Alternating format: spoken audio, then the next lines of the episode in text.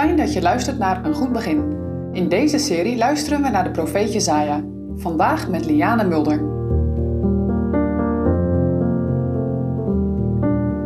Het thema voor vandaag is ongehoorzaamheid, toevlucht tot dood en hel. Het tegenovergestelde hiervan is gehoorzaamheid, toevlucht tot leven en hemel.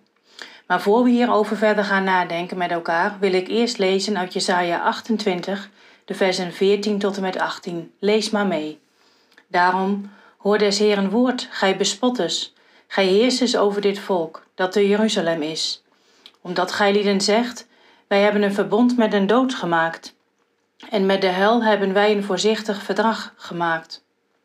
Wanneer de overvloeiende geestel doortrekken zal, zal hij tot ons niet komen, want wij hebben de leugen ons tot een toevlucht gesteld, en onder de valsheid hebben wij ons verborgen. Daarom, alzo zegt de Heer Heere, ziet, ik leg een grondsteen in Sion, een beproefde steen, een kostelijke hoeksteen, die wel vast gegrond is. Wie gelooft, die zal niet haasten.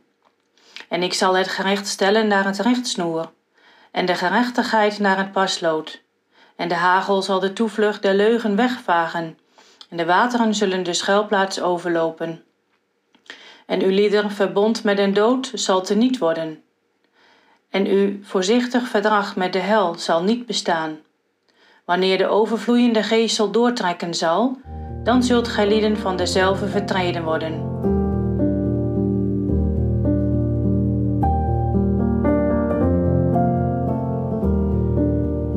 Nu is het de beurt van Jesaja om te spotten met het volk.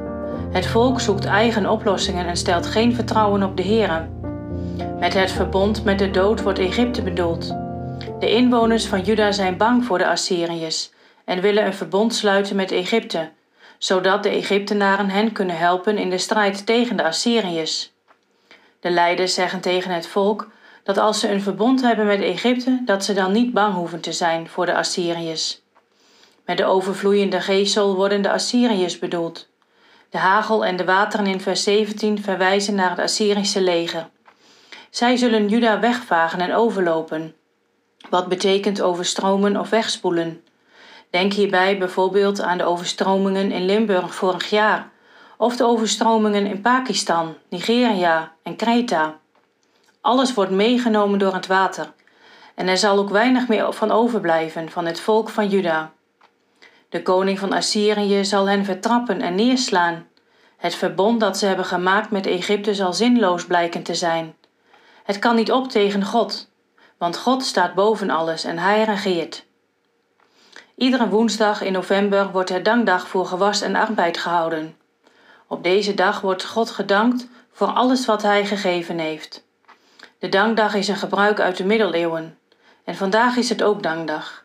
Dankdag is dus al lang geleden ingesteld, maar misschien kan je helemaal geen dankdag houden. Je kunt hier allerlei redenen voor hebben. En ook als we ons tekstgedeelte hebben gelezen, dan is er weinig reden om dankdag te houden. En toch spreekt de Heer in vers 16, zo midden in het gedeelte dat we overdenken. Tussen de oordelen door zou je kunnen zeggen. Hij spreekt tot zowel Jesaja als tot ons. Heere staat in dit vers zelfs met vijf hoofdletters. Dat houdt in dat hij spreekt als de Jehovah of de Yahweh. De ik ben die ik ben.